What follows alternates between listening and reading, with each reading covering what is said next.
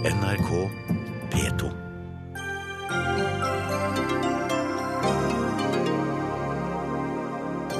Statoil blør og bidrar nesten ikke med skatteinntekter til statskassa. Utenlandseventyrene er årsaken, men problemet er vårt alles. For i år setter vi inn halvparten så mye som vi tar ut av sparegrisen vår, oljefondet. Skrell i Samearbeiderpartiet. Flere topper melder seg ut i protest mot overstyring fra Youngstorget. Det er Svalbardkamp om krabber mellom Norge og EU. Fiskeriminister No Crab Sandberg har ikke en eneste krabbe å gi, men tror Norge feil, kan mye, mye større verdier stå på spill. Og avisredaktørene krever å få lov til å plage abonnenter som helst ikke vil ha dem på tråden. Men hvis alternativet er avisdød, hvorfor ikke tillate en liten telefon?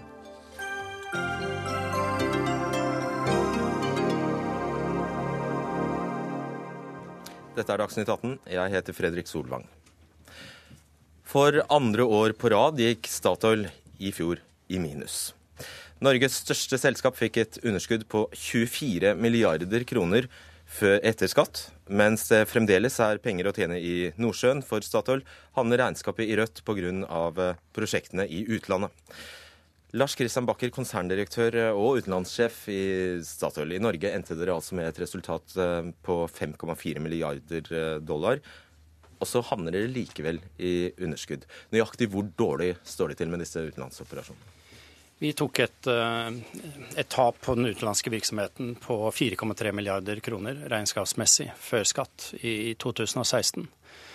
I tillegg til en betydelig virksomhet i Norge, så har vi bygd en virkelig stor internasjonal virksomhet som gir oss like mye penger inn per fat etter skatt som det den norske virksomheten gjør. Så lønnsomhetsmessig, kan du si, felt for felt, så er vi like gode ute som, som hjemme. Men så er det en del årsspesifikke tiltak eller faktorer som spiller inn, som har gjort at resultatet har blitt som det har blitt. Mm, og Hovedårsaken til dette er altså nedskrivinger som følge av oljeprisen. og Dere har jo trodd at den skulle ligge på om lag 100 dollar fatet, men ikke nå lenger. Nei, nå er jeg jo to medgjester her som kan veldig mye om oljeprisen, og så si om hvorvidt vår fremtidige priskurve er en god refleksjon i forhold til hva markedet tror. Og så er det jo slik at oljeprisen kan ikke vi gjøre noe som helst med. Det vi kan gjøre noe med, er kostnadsbasen vår. Og vi har jobba hardt over de siste par årene for å bli mer lønnsomme. Og fremover også så har vi nå en prosjektportefølje som kun trenger 27, fat per fat, nei, 27 dollar per fat for å gå i pluss. Det er en enorm leveranse som organisasjonen her står bak, som vi har all grunn til å være stolte av. Og bare Forklar hvor, hvor flinke dere egentlig da har vært? Nei, altså Vi har brakt den ned fra 70 dollar fatet for to år siden til i dag 27 dollar per fat. Og dette vil gi gode penger og veldig lønnsom virksomhet for Statoil i årene som kommer. Men så er det altså slik at på tre år måtte Statoil skrive ned 71 milliarder kroner pga. investeringene i oljesand og skiferolje i Nord-Amerika. Og bare i fjerde kvartal varslet dere at dere måtte skrive ned 19 milliarder pga. disse prosjektene. Hvorfor det? Ja, Det er ikke alle 19 milliardene som, som er tatt i nedskrivninger i fjerde kvartal som går på den utenlandske virksomheten. En del går også på den norske virksomheten. Når det gjelder oljesand, så når vi gikk inn i det, så var det en situasjon for selskapet hvor vi trengte ressurser, og det var en forventning om en høy oljepris framover. Så har jo vi gjort store funn, og vi har gjort en del oppkjøp etter den tid, inkludert landbasert virksomhet i USA. Og deler av den landbaserte virksomheten i USA kan du si ligger til grunn også for at oljesand i dag strever mer enn det man på det tidspunktet trodde. Og Derfor har vi valgt oss å trekke oss ut av oljesand. Men vi velger også å stå i den landbaserte virksomheten i USA. For vi tror at den vil gi en virkelig god virksomhet for oss i tiden som kommer. Før vi slipper de andre til, til her. Har Statoil noensinne gjort noe annet enn å tape på oljesand og skiferolje i Nord-Amerika? Når det gjelder virksomheten i, i USA på landbasert virksomhet, så må vi huske at dette er felt som vil produsere 30, 40, 50 år framover. Jeg tror det finnes et enkelt svar på dette spørsmålet. Jo, men, men, jeg tror også at det er en historie her, en parallell. Jeg jobba som plattformsjef på Statfjord. Og når Statfjord ble bygd, så dømte alle dette til å være en kjempeskandale. De vil aldri tjene penger. Jeg tror at vi vil se noe av den samme historien når det gjelder landbasert virksomhet i USA. Men det forutsetter at vi klarer å levere på forbedringsarbeidet som vi er godt i gang med. Oljeanalytiker Theodor Sven Nilsen i Svedbank. Eh, ja, Statoil har altså tatt penger på det de kaller uh, onshore, uh, i motsetning til offshore, da, i USA. Var denne skiferoljeproduksjonen et elendig trekk? Et så elendig trekk at de ikke hadde noe annet å gjøre enn å trekke seg ut? Nei, unnskyld, nå blander jeg kortene her. Altså, Var skiferoljeproduksjonen Kan det vise seg å være like, like dårlig, en like dårlig investering som oljesand, som de altså har trukket seg ut av? Jeg tror altså Alt er jo enkelt sett i ettertid. Jeg tror vi eh, må se litt tilbake da de kjøpte det her. Da var det på en måte fra markedet så var det eh, veldig fokus på produksjonsvekst og, og ressursvekst, eh, som Lars Kristian eh, snakka om. Og det, det, her så ut som var bra i forhold til det, selv om selv vi på utsida syntes det kanskje så litt dyrt ut eh, da. Eh, det er klart I ettertid så har det vært ja, det har vært skandaløst dårlig, det må være lov til å si det, sånn sett fra, fra utsida, med store nedskrivninger. Eh, tjener ikke noe penger, i hvert fall ikke som vi kan se i regnskapene fra, på, fra utsida. Og så kan det godt hende at det blir bra. Og, og jeg må jo berømme Statoil litt for den jobben vi har gjort internasjonalt. Man ser det på en måte i rapporterte tall at kostnadene kommer ned. Og da snakker vi ikke om noen regnskapsmessige tall, avskrivningen kommer ned fordi du har tatt mye nedskrivning og sånn regnskapsteknisk ting, men det er forbedringer. Og det er ikke bare fordi mange har fått sparken? Eh, nei, det er det ikke. Jeg tror det effektiviteten blir bedre. Man ser det dog kanskje litt mer på norsk sokkel. Men eh, for å komme til poenget, så, så tror jeg det at eh, for å kunne regne inn denne investeringen nå, som tross alt ble, gjort det første ble gjort i 2008, og så ble det gjort store investeringer i 2010 eh, og 2011 òg. Og det er noe som heter avkastning på kapitalen her, og du har hatt negativ avkastning så mange år. Og du vil sikkert ha ti år uten at du har en avkastning på kapitalen, som har enorm avkastning i den perioden her, for at det skal bli lønnsomt. Nå snakker du om skifer fortsatt? Jeg snakker om skifer, ja. Og ja, for så vidt alt, alt uh, onshore Nord-Amerika.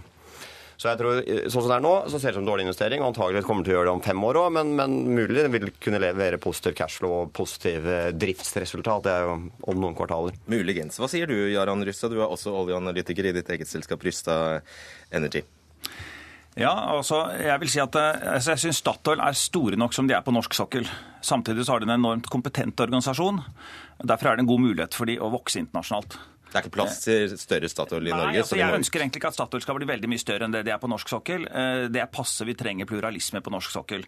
Eh, samtidig som jeg sier, så har de et veldig eh, verdiskapningspotensial i organisasjonen. og Derfor er det helt riktig strategi av de å gå internasjonalt. Og Stort sett så har de vært, vært en suksessfull internasjonal strategi. Den organiske, altså letevirksomheten, har vært til dels veldig bra de siste årene. Canada har vært, altså Offshore Canada har vært veldig bra, og offshore Brasil ser ut til å bli veldig bra. Samtidig har det vært noen cash-kuer både i Afrika og, og Sentral-Asia som har også vært, vært veldig bra. Så kastet Statoil seg på, i likhet med ganske mange av de store oljeselskapene, den nye trenden skiferolje. Og Det er egentlig et veldig annen type virksomhet. Det er ikke å, å manage liksom, milliardprosjekter og, og sånt noe som de store oljeselskapene er veldig gode til, men det er egentlig mikromanagement av en lokal verdikjede. Kjøpe sand, deale og hvile med de lokale forhandlerne, eh, deale og hvile med de lokale landmans, som det heter, osv. Og, så og det er en virksomhet som er ganske annerledes. Og, og, men de kastet seg på den, øh, øh, søkte lykken. Den som intet våger, intet vinner. Og så tror jeg at, at foreløpig så har man nok brukt brukt, eh, har nok det kostet mer enn det har smakt. Spesielt når vi eh, har hatt en oljepriskollaps. Eh, men, men det, det, kan bli verdiskapning også der fremover. Det kan bli, det er din konklusjon, altså. Men har, har Statoil peiling på det de driver med her? Altså i USA?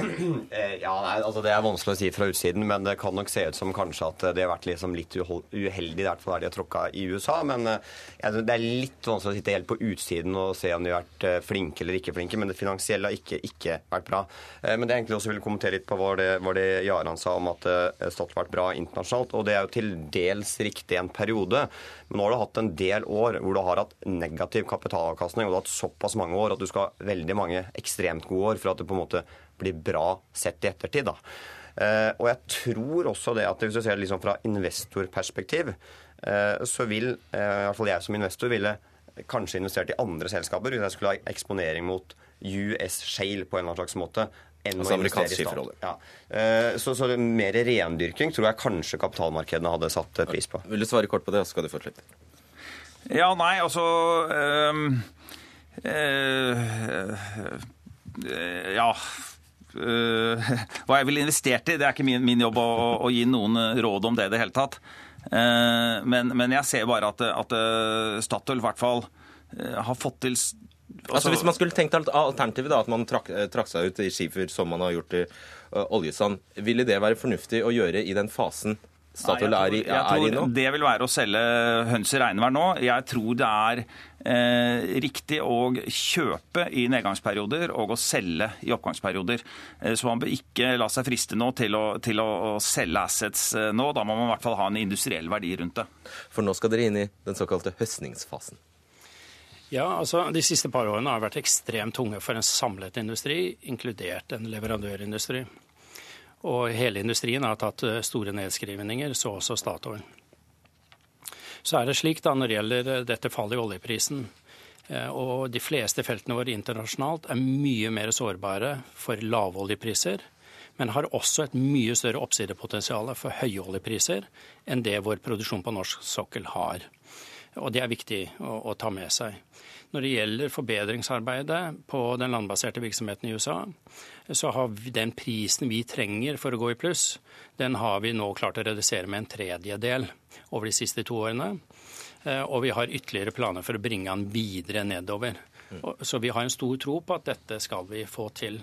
Og da er dette en enorm ressurs for selskapet, og som vil skape stor inntjening. Sven Nilsen, eh, hva mener du Statoil burde ha gjort i stedet? istedenfor onshore USA. Mm. Ja, Det er jo veldig lett å bli etterpåklok her. Men jeg tror det at eh, selvfølgelig burde vi ikke ha investert der. Eh, kanskje investert eh, litt mer på norsk sokkel, og kanskje gjøre han litt, litt uenig, men det er i hvert fall et sted hvor de virkelig kjenner Eh, til hvordan man skal skape verdier. Og jeg synes Noe av det de har gjort helt i det siste, kjøp av Carcara f.eks. i Brasil Hva er det for noe? Eh, Offshorefunn i, i, Brasil. Kanskje sikkert Lars Kristian snakka om i flere dager. Men det, sett fra utsiden ser det ganske fornuftig ut. Det er ting som de eh, åpenbart eh, kan. Prisen, ok, jeg vet ikke, men ser fornuftig ut sett fra utsiden. Uh, og, og, det passer veldig bra sånn hvor vi er i sykelen. Så det er bra, ikke sant? men det, det står i sterk kontrast til USA-satsingen. Det gjør det. Og til slutt, uh, Russa. Altså, vel og bra for Statoil om dette går fint i USA, men den norske stat, vi norske borgere, nyter jo knapt godt av at de gjør det bra der. Uh, nei, husk på at altså, Norges største næring det er oljenæringen. Norges nest største næring er olje- og servicenæringen. Hadde ikke den, eh, både oljenæringen og oljeservicenæringen ville internasjonalisert seg, så ville vi ikke på en måte utnyttet den fortrinnet vi har å være en av Norges, eh, verdens største oljenasjoner. Så vi må satse internasjonalt. Vi må ta sjanser. Eh, noen ganger vil vi lykkes, noen ganger vil vi mislykkes. Men Statoil trekker også med seg norsk leverandørindustri ut til utlandet. Så, så, selvfølgelig skal man gjøre en nøye vurdering rundt hver enkelt transaksjon og skjønne hva man er best til. Samtidig skal man også bygge noen ny kompetanse. Så jeg syns det er vanskelig å være veldig veldig brutal i, i fordømmelsene her. Jeg, jeg, mener at som jeg sier, den som intet våger, intet vinner på dette her. Fem sekunder. Uh, delvis enig, Harald, men det er ikke statusen oppgave å sørge for at norsk leverandørindustri kommer seg ut i verden. De driver ikke Blå Kors. Neida. Nei. Vi setter strek og takk for at dere ikke brukte så mange fremmedord. Veldig glad for det. Du blir sittende, Lars Kristian Baker. Takk, Jan Rustad og eh, Theodor Sveen Nilsen.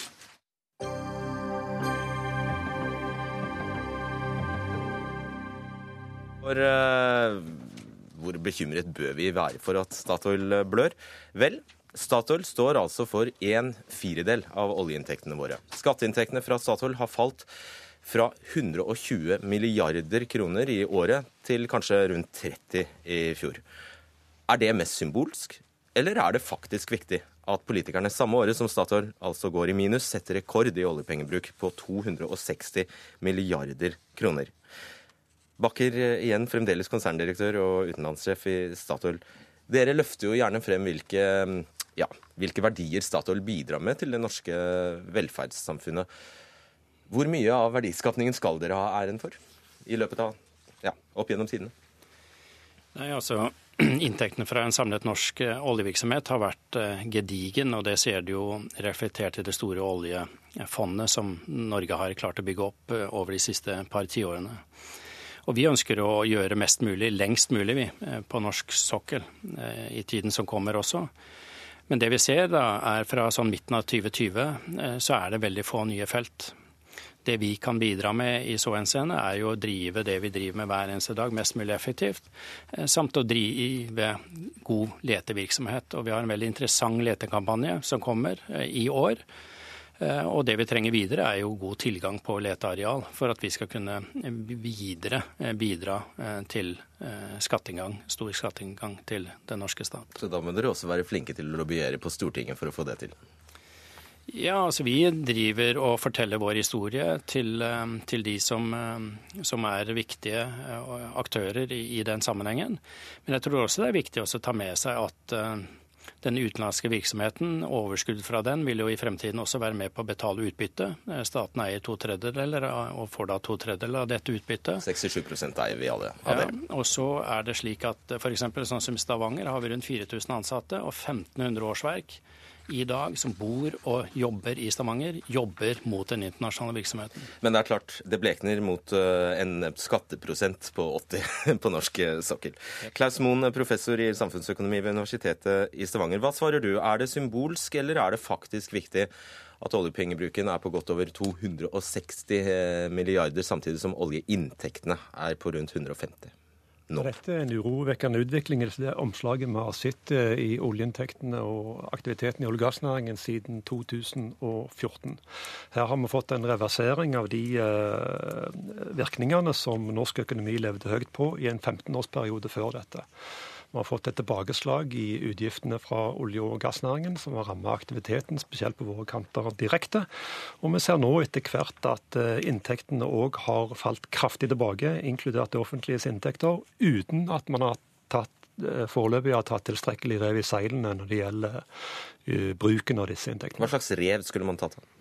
Ja, En tror jeg må tenke litt langsiktig, og hva som vil være en naturlig innfasing av det som nå er de beste utsiktene for oljeinntektene i norsk økonomi. Og Der er utsiktene litt annerledes enn de var for en tid tilbake. Nå snakker du i koder! snakk, snakk, tydelig og klart. Hva, hva er det du mener?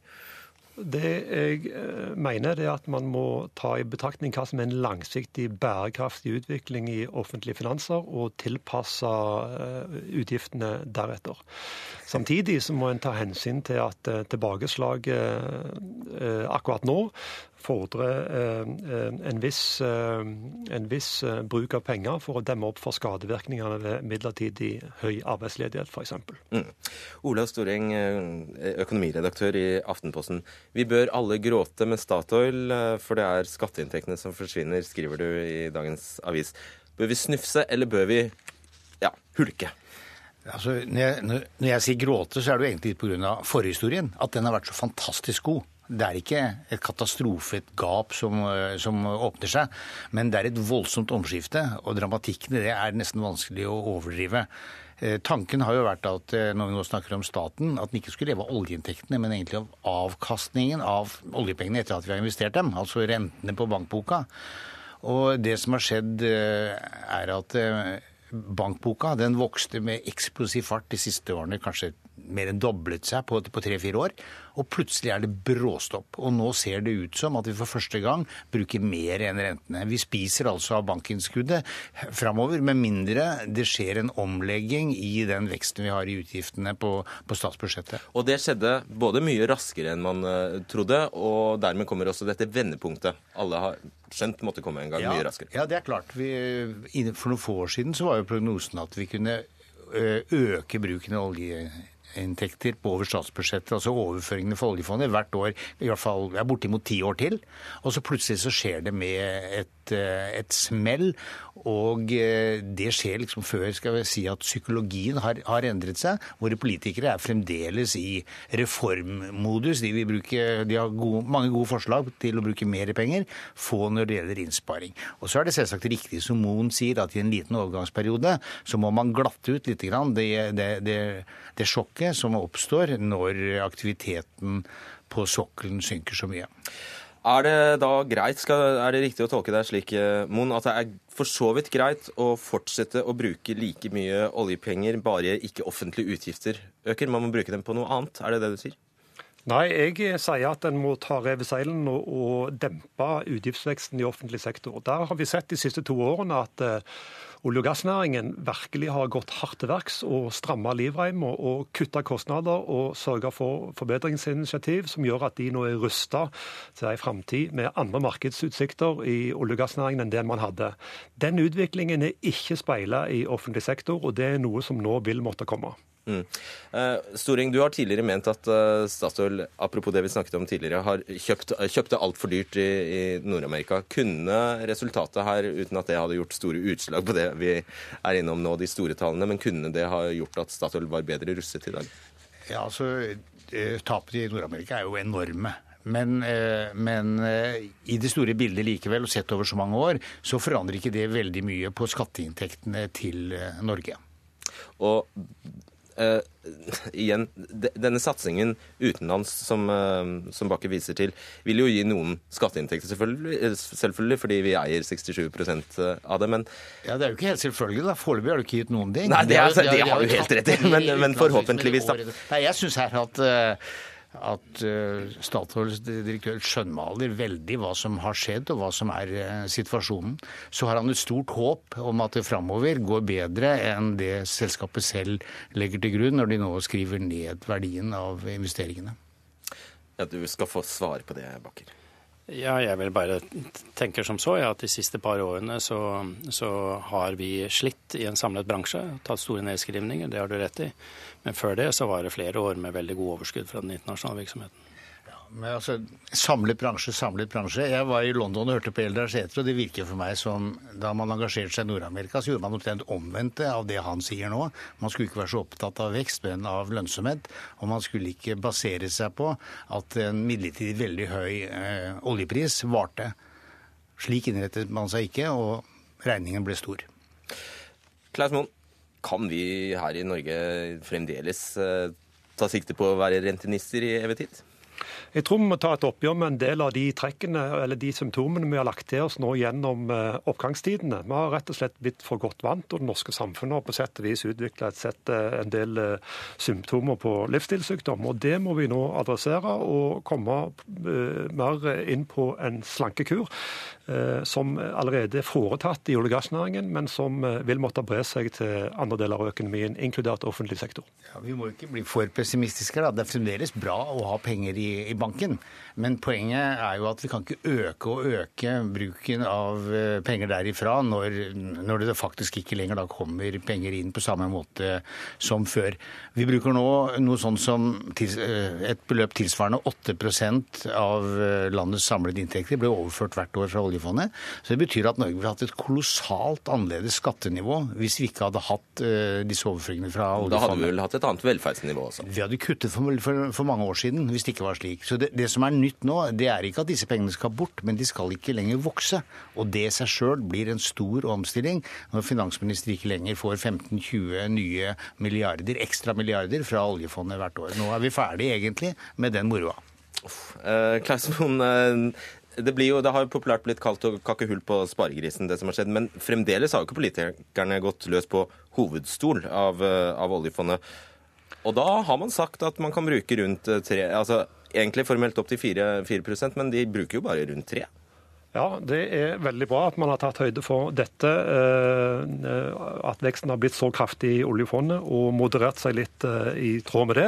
Men når det gjelder utsikten nå, så er det et kraftig omslag i utsiktene for, for eh, olje- og gassinntektene, som òg vil måtte reflekteres i måten man bruker penger på.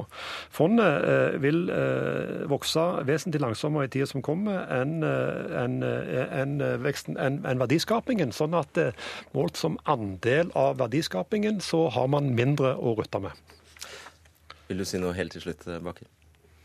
Vet du hva, Jeg syns jeg har en av de kjekkeste jobbene jeg kan tenke meg. Og dette er en utrolig spennende industri som kommer til å levere store verdier i tiden som kommer.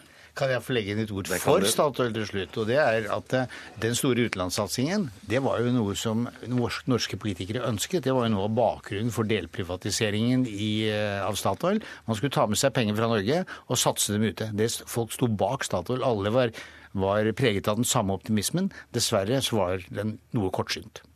Da sier vi takk til dere, Lars Kristian Bakker, Klaus Moen og Ola Storeng. Dagsnytt 18 alle hverdager klokka 18.00 på NRK P2 og NRK2.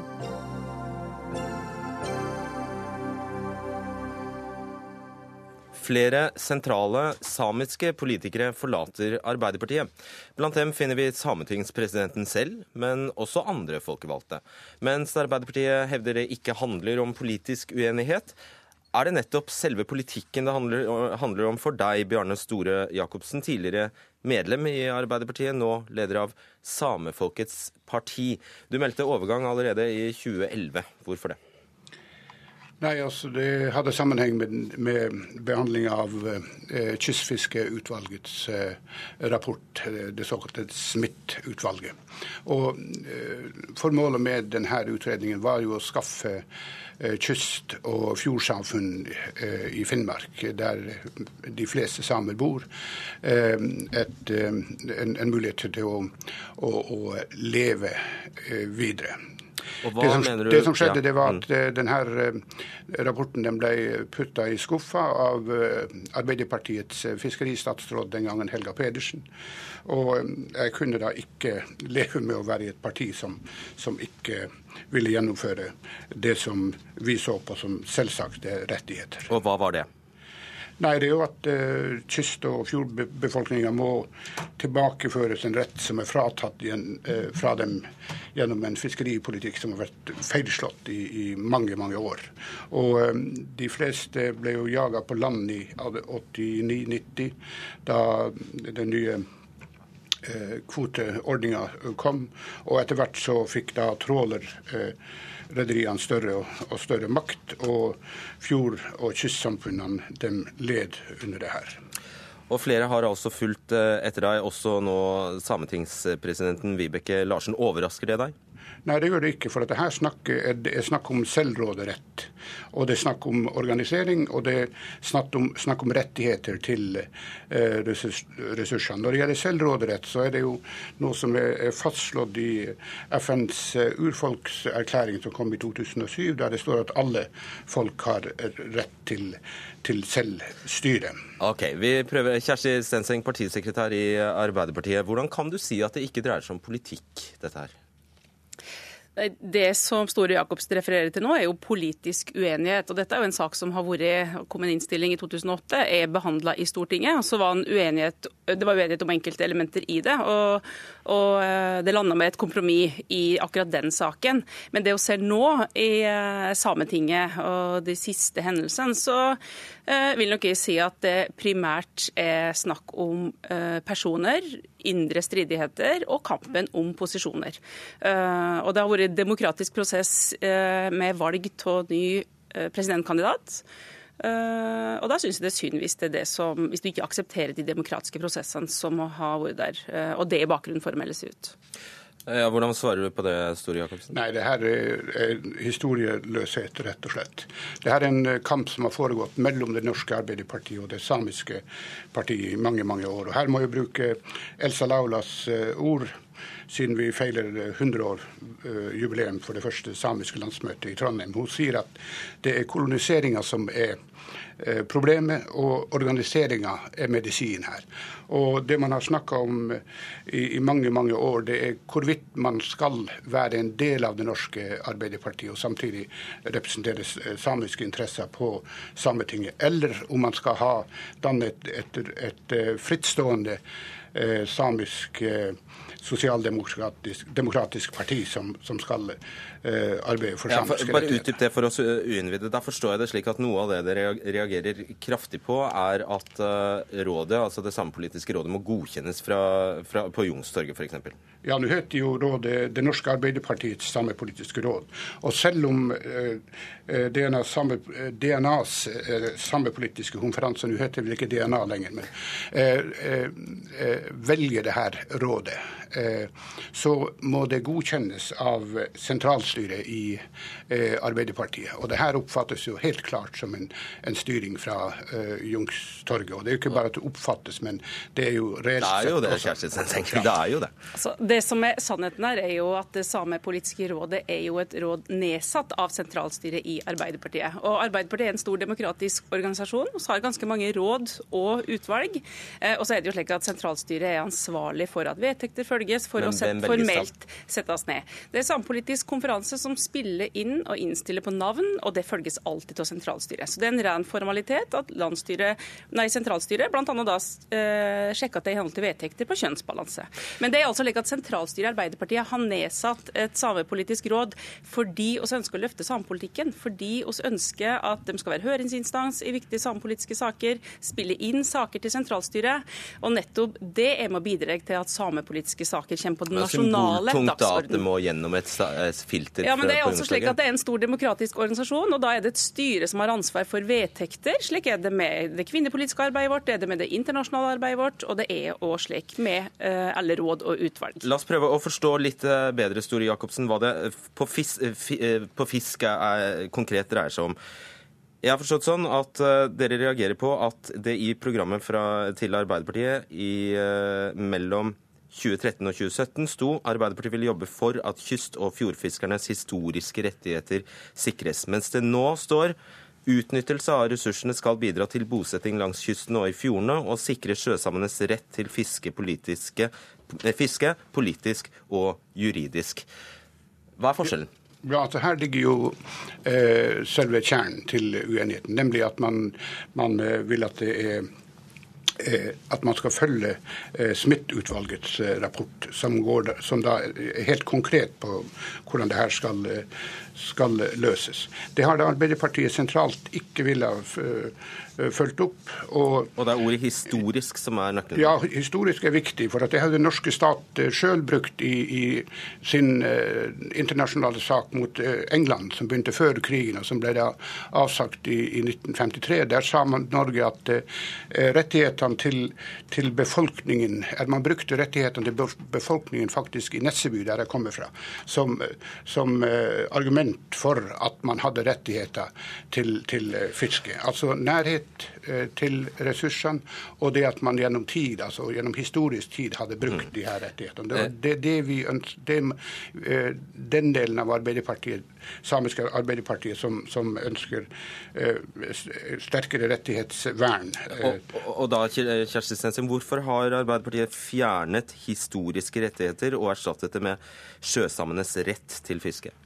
Det er altså slik at eh, I det samepolitiske programmet som er vedtatt av Samepolitisk råd, så står det jo en del om fiskeripolitikken. Der satt jo bl.a. Vibeke Larsen som medlem i redaksjonskomiteen. Og Der står det heller ikke historiske. Der står det politiske og juridiske eh, rettigheter. I vårt partiprogram, som da er et annet program, det er et samepolitisk program, og så er det et Arbeiderpartiets Mm. partiprogram, så slår vi jo fast viktige eh, rettigheter på fiskeri. Eh, men Kan det ikke bare stå jo- historisk? og være ja, men det problemet? samepolitisk program vedtatt av samepolitisk konferanse har det heller ikke med. Det har vært uenighet, det har vært debatt om det, og det er altså samepolitisk eh, konferanse sjøl som har vedtatt formuleringer som oss i vårt partiprogram fra 17 til 21 så slår oss fast øh, viktige punkter på fiskeripolitikken. Ja, Ja, det er jo rart. Det er her man viser, viser eh, forskjellen. Nå har altså de partitro i Arbeiderpartiet vunnet frem, også i samepolitiske sammenheng. Og fra sentralt hold så ønsker man ikke historiske rettigheter. For det da ga da grunnlag for en lovgivning som, som ville være et eh, sterkt eh, vern for, for eh, fiskerirettighetene. Det hadde skjedd eh, en gradvis endring her fra 2009 faktisk og helt til i dag, hvor to viktige punkt er tatt ut. Det ene er historiske rettigheter til fiske. Det andre er eh, samenes rett til selvbestemmelse i indre eh, eh, saker. Altså den indre selvbestemmelse. Det er også tatt bort. Og selvbestemmelsen har vært problemet her i, i Da, da stanser jeg deg eh, litt. Er det virkelig tatt bort?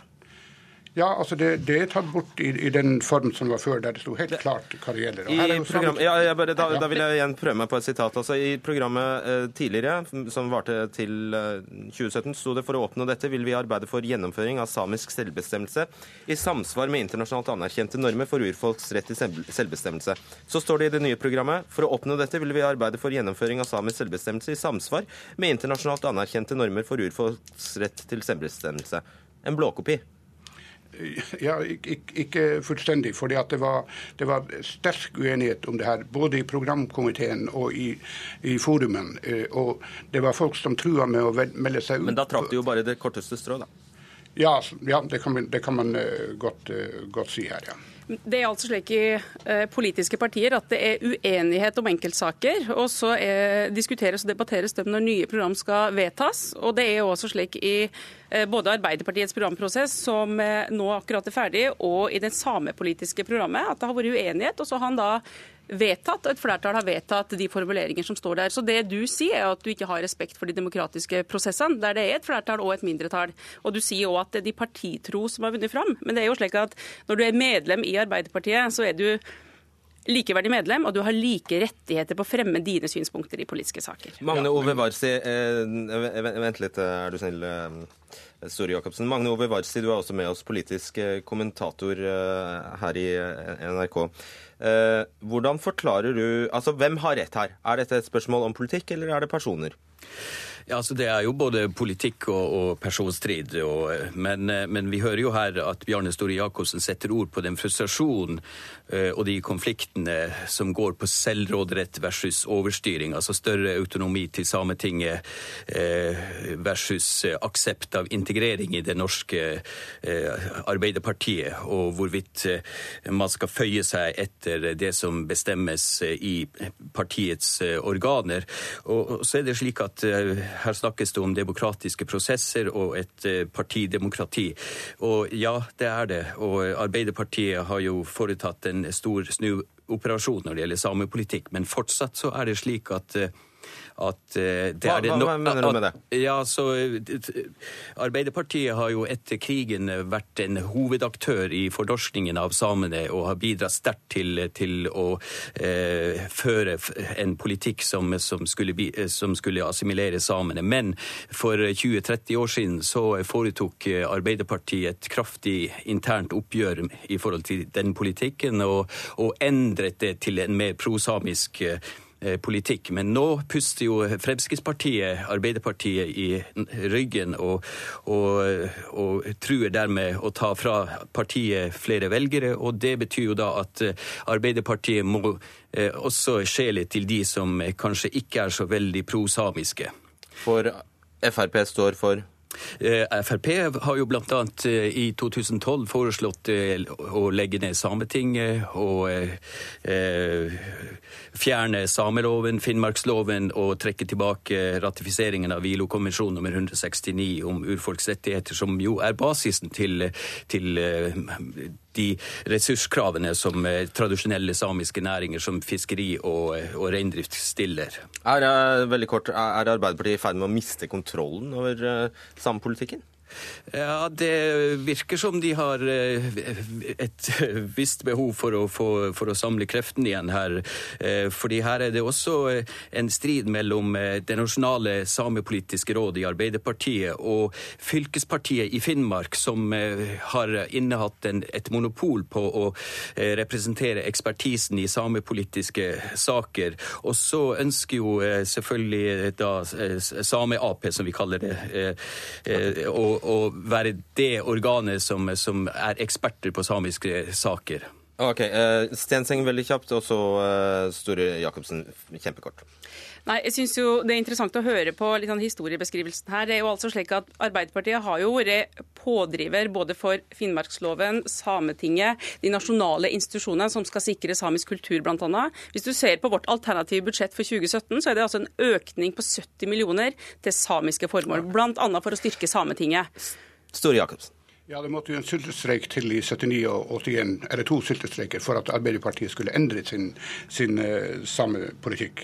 Og Finnmark Arbeiderparti har jo hele tida vært uh, problemet, om man kan si sånn, eller den som, som var bremsa på den samepolitiske utviklinga. Og man gikk bl.a. veldig sterkt imot at uh, Sametinget skulle få en ordning der man fikk en viss uh, prosentvis andel av det norske statsbudsjettet, slik at Sametinget sjøl kunne bestemme bestemme hvordan man ville bruke de her eh, pengene. I dag er det slik at 90% av det som sendes fra Stortinget til Sametingets postkasse, det er eh, bundet opp, slik at man har bare råderett over ca. 10% av det her. Og det er selvsagt ikke noen slags eh, selvstyre. Takk skal dere ha. Kjersti Stenseng, Bjarne Store Jacobsen og Magne Ove Varsi.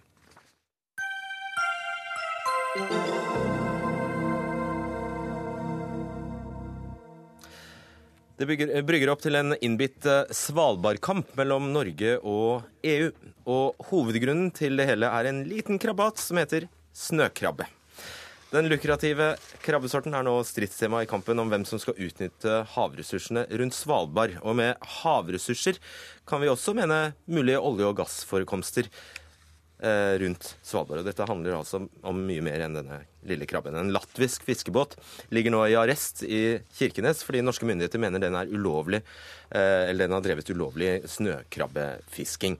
Harald Sakarias, eller eh, jeg vet ikke om det heter snøkrabbefisking? Snø, fangst, kanskje? Ja da, du kan si det. Ok, takk.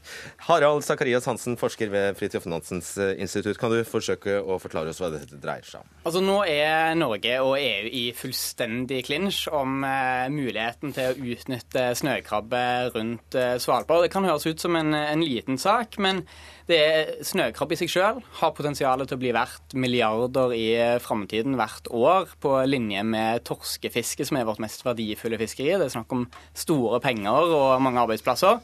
Men i, i tillegg, fordi det her er en eh, ressurs som lever på sokkelen så, eh, På bunnen? På bunnen, på havbunnen. Så eh, vil, vil det nok si noe hvordan en håndterer denne saken her, om potensielle olje og gass, mineralressurser og genressurser en finner på havbunnen.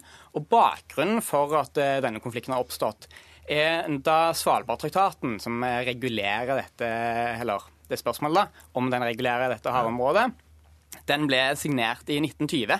Og på den tiden så eksisterte ikke moderne havrett eh, og begreper som økonomisk sone og kontinentalsokkel som først kom på, på 70- og 80-tallet. Svalbardtraktaten ble signert. Eh, det var første gang Svalbard havna under eh, norsk herredømme. Før det så, så var den på en måte ingenmannsland.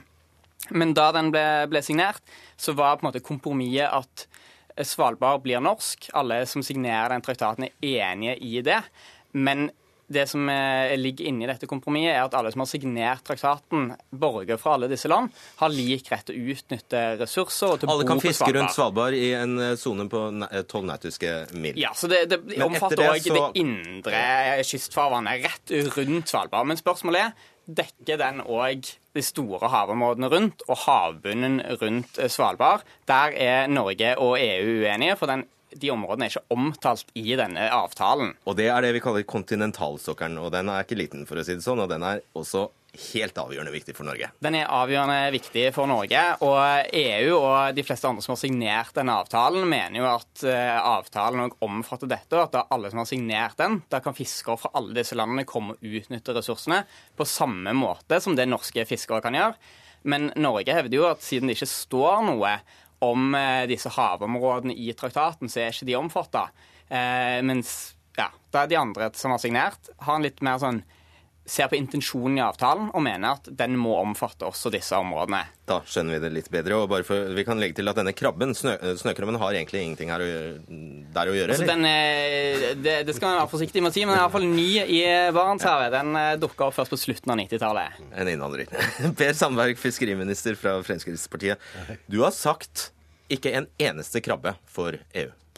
Nei, ikke uten at vi får på plass en avtale som, som, er regelen, og det som er helt naturlig. Når vi forhandler med EU, så gir vi og tar. Eh, og her har jeg nå i tre-fire runder lagt på bordet et tilbud til EU om å komme til meg og forhandle. Så kan de få fangste snøkrabbe, så får vi fangste litt mer av en annen type art. Det er helt normalt, eh, og det er sånn det skal være. Så, men så må jeg få lov til å si, det gis uttrykk her eh, om at, som om at Norge er i klinsj med EU. Det er vi altså aldeles ikke. Jeg hadde et fantastisk møte med, med fiskerikommissær Vella her oppe i Tromsø, og vi er uenige. Ja, det er helt riktig. Men vi er rimelig trygge på at vi er på trygg grunn. Eh, fordi at man, men også er det sånn, Man får litt utfordringer som politiker også, da, når man har forskere som ikke bidrar med, til å hjelpe oss noe særlig. Som blander sammen både EU, eh, Svalbardtraktaten, EØS-avtalen, kontinentalsokkelen. For at i vår rett så er det ingen tvil. Eh, og, men uavhengig av tolkning her, da. Uavhengig av tolkning, så er det altså sånn at det er Norge som er regulator. Om du snakker innenfor tolvmilssonen det? Ja, det, det er vi som gir Håndhever. håndhever. Og Det er derfor du har kasta ut en latvisk fiskebåt. Ja, men, men la oss gå på Svalbardtraktaten, og så forholder vi oss til tolv mil. Så er det Norge fortsatt som skal gi myndighet til fiske innenfor tolv mil, og på land på Svalbard. og på kontinentalsokkelen. Det er det ingen tvil om. Det er Norge som er regulator. Derfor så har uansett tolkning EU tatt seg til rette. Uh, utover, det, utover det, som uh, er prosedyren. La oss bare sjekke om dere er enige om det, da. Ja, altså det, det er jeg jo fullstendig enig i. at det, det Uansett om Svalbardtraktaten gjelder i dette området eller ikke, så er Norge det er Norge som har forvaltningsrett her og bestemmer. Så Det er jo derfor jeg sier at en er i klinsj med EU, fordi EU har tillatt at Latvia, Litauen, Estland og Polen har utstedt lisenser til fiskebåter. Og det er veldig hissig. Det er veldig hissig. Bare, ja. Det er heller ikke okay. riktig, for det er ikke, det er ikke Latvia og Polen som har utstedt lisenser. Det er det EU som har gjort gjennom et benkeforslag eh, i dette rådet. Og så har man gitt dette, da. Og det er helt uvanlig for oss. Sånn skal det ikke skje, og det har jeg gitt beskjed om til Vella også i så måte. Men så, det, så kan vi gå til på, på kontinentalsokkelen. Eh, der hvor at dette skipet ble arrestert. Norge har i sin fulle rett i forhold til havressursloven, og som kyststat, full rettighet til å gjøre det vi gjør. Og jeg sier det igjen, vi gjør det igjen hvis det kommer nye fartøy inn i dette området. For der har vi reguleringsmuligheten og har suverenitet. Altså, nå er det, jo, eh, er det jo ikke sånn at er, jeg blander sammen masse begreper her. Og det er òg sånn at det er landene som har utstedt lisens. Og så har EU lagt til rette for at de skal utstede lisenser, og har lagt en ramme på 20 lisenser for 2017. Eh, men, men det er jo klart at det er er Norge som skal ha, ha, rett til å forvalte havområdene uansett. Og så mener EU at en skal likebehandle fiskere fra alle disse landene. Så det, det, er jo der eh, striden står. Og Grunnen til at, at, da EU har lagt til rette for disse lisensene, det er jo at Norge ikke har svart på EUs brev og EUs krav tidligere. Hva sa du nå? Har, har vi ikke svart på et brev? Altså EU eh, sendte et brev i oktober til Norge og krevde tilgang til å fiske snøkrabbe rundt Svalbard, og Norge har forholdt seg eh, ganske passive til det. Vi, da har vi svart med jo da, vi kan sette oss ned og forhandle om at EU kan få fangste snøkrabbe, men da skal vi ha noe tilbake. Det er sånn forhandlingene mellom Norge og EU foregår. Og så må jeg få lov til å si... Så du, påstår, du har svart på brevet? Ja, altså Vi har svart gjennom det at vi har tilbudt EU, og det gjorde jeg nå sist i Tromsø overfor uh, kommissæren også. Sett dere ned sammen med oss, så forhandler vi, så finner vi en løsning på dette. Og jeg tror at det er det eneste løsninga her også. Hvis ikke så trekker det ut veldig langt i tid. Så må jeg få lov til å si, for at igjen så blander man litt. For at uh, uh, Svalbardtraktaten er helt klar på dette likhetsprinsippet. Men jeg har heller ikke sluppet noen norske fartøy innenfor tolvmilssona. Og, og da skal heller ikke noen andre gå dit. Men hadde jeg sluppet inn noen norske der innenfor tolv mil, så kunne EU begynt å klage i forhold til likhetsprinsippet. Men det har jeg altså ikke gjort. For det er forbudt innenfor tolvmilssonen. Og så er det sånn, men, men på kontinentalsokkelen så kan vi forhandle, og så kan jeg slippe til nøyefartøy. Og dere, dere, det er ingen tvil om. Og, det, og, det, og så sies det sånn at Nei, men vent, Sandberg, fordi dette er så vanskelig. Er, er, det, ikke, er det, ikke, sånn da at, at eh, akkurat nå så er det sånn at både du og EU driver og slenger ut lisenser? Nei, jeg har ikke slengt eh, noen lisenser innenfor tolvmilssonen. For det er ikke lov. Utenfor, mener jeg. Ja, der gir jeg. Og det, og det, har, det, er norsk rett i forhold til havressursloven. Og som kyststat ja. så er det vi som skal gjøre det også på kontinentalsokkelen. Hvilket og, EU er uenig i. Det ja, er de uenig i. Den, ja. Det typiske norske at en bare gjentar og gjentar, gjentar at Norge har rett, og så håper en at, at, det går over. Men, men, så er jo faktum at EU mener jo at, eh, at traktaten, at Svalbardtraktaten om likebehandling også gjelder på kontinentalsokkelen. Og Forklar for oss hvor i verste fall dette kan ende henne da, og hva kan, hva kan skje da? Altså, hvis, eh, hvis, EU fortsetter å utfordre som ikke klarer å finne et kompromiss og en løsning som alle er fornøyd med, så kan en risikere at Latvia tar Norge til den internasjonale domstolen i Haag. Og, og, da er det ganske åpent hvem som vil vinne. Norge har en veldig sterk sak, men, men det har òg EU. Det er absolutt mulig å se på en utvida tolkning. Og hvorfor vil ikke Norge det for alt i verden? Altså, fordi de konsekvensene ved et tap vil være, være, så store. For da må en likebehandle alle som ønsker å fiske på kontinentalsokkelen og, og og eventuelle olje- og gass, eh, gassforekomster. Og, og, Da ligger det både i likebehandling hvem som skal ha tilgang til å, fisk, eh, til å, utvinne olje og gass, men da gjelder det òg spesielle skatteregler som, som, ikke er gunstige for Norge. Måned, du må jo bare sørge for at vi ikke havner i Haag, da. Jo, men jeg, jeg tror nok vi løser dette på en annen måte før, før, det går så langt. Men så må jeg få lov til å si at, at det, det, gir uttrykk for nærmest som at Norge står alene her. Fordi at andre land ikke har slutta seg til. Men det er helt vanlige sånne traktater, det vet du også. Den som ikke har signalisert noe, de er jo ikke uenige, automatisk uenige med Norge. Så jeg tror nok at vi har en sterkere sak enn det det gis, uttrykk for. Og så, med all respekt, Norge, sammen med Russland, har drevet eh, ressursforvaltning i Barentshavet, smutthullet osv. på en meget god måte. Og vi driver hver for oss med å lage forvaltningsplaner. Det gjør Russland på sitt område, det gjør vi, og vi snakker sammen hele tida for å finne noen løsninger på dette. Og da må i hvert fall EU respektere at vi Altså, jeg slipper jo ikke inn norske fartøy engang. Og så skal de ha fartøy inn i dette området. Det må respekteres i sånn måte. Nå, nå, skal jo nå, Norge må eh, eh, forhandle med Storbritannia og, og EU mm. eh, pga. brexit. Hva, eh, hvilke følger kan det få for denne, denne, konflikten her? Nei, først og fremst så tror jeg at eh, det, det tyngste oppgaven der er at eh, Storbritannia og EU blir enige om forhandlingene sine. Og så skal vi drive bilaterale forhandlinger med, med Storbritannia. Jeg har selv vært i England og snakka med fiskeriministeren der. Og det er klart at når Storbritannia skal ha ut sine kvoter fra EU, ca. 25% så er det en tøff kamp. Men vi blir nok enige med Storbritannia, fordi at vi har eh, god dialog. Og Storbritannia er veldig veldig avhengig av eh, vår torsk og skrei og alt mulig til sin fish and chips. Men nettopp det at det nå skal, EU skal forhandle med Storbritannia, kan gjøre at EU er ekstra tøffe i trynet overfor Norge, eller? Ja, altså Nå foregår det veldig mange store endringer, både politisk, men òg i, i, naturen. Det er mange fiskebestander som er på vandring òg ut av EUs farvann og nordover, som gjør at EU er desperat etter å få tilgang på, på ressurser.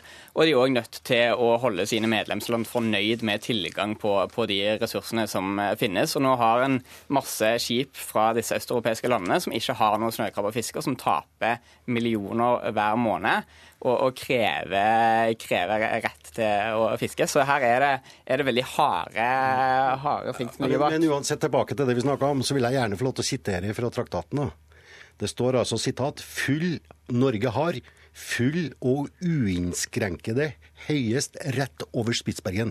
Og det blir vanskelig å uh, gå på et tap på det i forhold til noen domstol. Det er ikke oss du trenger å overbevise, Sånn Det er greit. Det prinsippet er meg helt enig i. Bare all mulig lykke til, tror jeg vi sier. Takk, Per Sandberg og Harald Sakarias Hansen. Hør Dagsnytt 18 når du vil. Radio NRK Radio.nrk.no.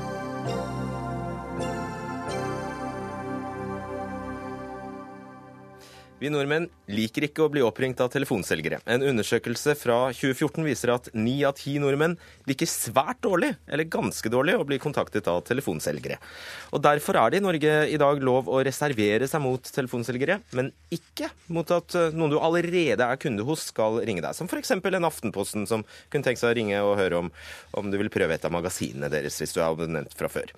Men dette vil regjeringen ha slutt på, og foreslår nå å fjerne noen av unntakene som gjør det mulig å ringe folk, selv om de har reservert seg mot telefonsalg. Og så, redaktørene i Aftenposten, Stavanger Aftenblad, Fedrelandsvennen og Bergens Tidende reagerer på dette, og har skrevet et åpent brev der de ber om å få fortsette å ringe. Lars Helle, redaktør i Stavanger eh, Aftenblad. Hvorfor må dere på død og liv plage kundene? Ja, Det ligger jo en slags fordom i spørsmålet ditt om at det å ringe til folk er en plage. Jeg refererer til undersøkelsen. Du refererer til en undersøkelse, og, og igjen tror jeg at mye av, av bakgrunnen for de svarene du refererer, er at dette med telefonhenvendelser og telefonsalg har fått et ufortjent negativt stempel. Det fleste handler om helt relevant og god kundekontakt, og det er helt nødvendig for uh, både aviser og mange andre for å opprettholde kundekontakten, for å opprettholde abonnementsmassen, som er den, uh, som er den viktigste bidragsyteren til å ha en sunn og god medieøkonomi. Er du alvorlig nå? Ja, det er jeg selvfølgelig alvorlig på. Det, det, det er mange hundre tusen samtaler mellom uh, våre, våre, publikasjoner og, og, og, kundene våre hvert år. Så det er en vik, viktig del. Men det viktigste for dere, bare for, jeg må bare spole fordi vi har litt dårlig tid her. Det viktigste for dere er økonomien. Dere sier at dere nei, kan tape enorme det, summer. Nei, nei, Eh, oh, nei. Det, er ikke, det, er, er, et par prinsipielle ting òg her. Vi har jo selvfølgelig full respekt for at både storting, regjering og forbrukerombud er opptatt av, eh, av forbrukerrettigheter, og at de òg er opptatt av hvordan telefonsalg foregår. Og det er uten tvil gjort en del gode grep her for å hindre uheldige konsekvenser av, av, av dette. her. Men jeg tror de syder litt spurv med kanoner når de går løs på norsk infrastruktur. For det er telefon, telefonen, telefonlinjer er åpne, og det er en del av infrastrukturen i Norge. Og så er det et slags sånn moralitetspreg over at nei, telefonsalg det liker vi ikke, det må vi sette mange skanker for. Og Det stopper ganske, ganske mye, og, det, og det, en, det, bidrar til at en av inntektskildene våre, kanskje ikke det, som, det vi står og faller på, forsvinner. Og Det betyr jo òg at eh, den, den offentlige samtalen, diskusjonen, okay, ja. ikke, ikke, får de samme vilkårene som en har. Og Det er bare en liten pekefinger og en liten varsko fra oss. Det er ikke noe mer enn det. Aftenposten har jo sagt at de kan, dette kan koste dem 100 millioner kroner, da, så det er en ja, det, litt stor pekefinger eventuelt? Ja, det, det, er snakk om store penger, og, tar, og, og, og, det er bare Aftenposten. Og så har vi de mm. andre avisene i vårt konsern, og så har du alle de andre tidsskriftene og avisene i landet. Så det er ganske mye penger. Så det betyr penger. noe for dere? Ja. Selvfølgelig, det, det legger vi ikke skjul på. Det betyr noe. Men det er en del prinsipielle ting ved dette òg. Okay, skjønner. Fagdirektør i Forbrukerombudet Tonje Hovde Skjelbostad. Eh, hva skader det? Hva skader telefonsalg? Hva skader det, ja. Eh, ja, som Lars Helle her sa, han er telefonsalg det liker vi ikke. I Norge så er det likevel lov med telefonsalg. Det det er snakk om her, det forslaget regjeringa legger fram til, det er jo rett og slett å respektere de som aktivt har sagt at de ikke ønsker det. Så det er eh, så enkelt at det er to spørsmål en må stille seg, og det er er det greit at en likevel skal ringe de som ikke ønsker det? Og eh, er det greit å bygge på en måte kunderelasjoner og videreutvikling av produkt på å ringe de som ikke vil ha det? Kunne det ikke være en idé å ringe til de som ønsker det? Eh, eller eventuelt finne andre alternative inntektskilder. Og det er det vi mener det forslaget som regjeringa har lagt fram nå, eh, det gir den muligheten. Det legger først og fremst opp til å ringe de som faktisk vil det. Det er de som er reservert mot telefonsalg. Kunder skal ikke kunne ringes. Men eh, det en kan gjøre, er jo å, å, å, ta kontakt med de eksisterende kundene sine som ikke er reservert. Det er jo én gruppe. Du kan hente inn et samtykke. De som ønsker det, skal få lov til å bli ringt. Uh, og ikke minst så kan du ta kontakt med kundene dine på SMS og e-post. Ja, det høres helt merkelig ut. Lars Helle, at dere ber om dere krever egentlig å få ringe de som ikke vil bli oppringt? Nei, de har, eh, sånn som det fungerer i dag, så er det en del som reserverer seg mot å bli oppringt, og de blir ikke oppringt. Men unntaket i loven er jo at vi kan ta kontakt med våre egne kunder. Både magasiner og regionaviser er abonnementsbaserte. Vi har en tett og nær relasjon til abonnentene og kundene våre, som er litt av og på, og, og noen ganger abonnerer og noen ganger ikke abonnerer. Det er helt naturlig. Det har lange tradisjoner for at vi har eh, telefonkontakt med dem og annen type kontakt. Og, og Jeg merker meg jo hva, hva Skjelbostad sier. Kan ikke kundene få bestemme det, da, og ringe dere i stedet? Jo, de kan det. Og de, og, de, og de, som gir beskjed til oss når vi tar kontakt med dem om de ikke vil bli oppringt, det respekterer vi. Det, er ikke sånn at vi driver en slags telefonterror. Det er jo skaden gjort hvis du allerede har ringt og plaget dem. Nei, det er ikke en skade å ringe. Nå må vi, nå må vi slutte med denne moraliseringen igjen med, med at, at, at, det å ringe til folk er blitt, er blitt, en skade, en fare for samfunnet eller noen sånne ting. Det er faktisk ikke det. Det er en helt normal form for kontakt, og, det, og, og Norge er langt på vei basert på at vi har oppegående telefonlinjer. Og Hva baserer dere i Forbrukerombudet dette på? Er det mange som klager? Ja, det er det jo òg. Uh, vi får 1100 klager i året på telefonsalg. Uh, der er det en stor del av dem. Det er ganske få, faktisk. Ja, det, ja, det skal jeg fortelle. Uh, det er ekstremt få som faktisk blir utsatt for telefonsalg som klarer seg bryet med å klage til Forbrukerombudet. 0% i 2011. 3% i 2013.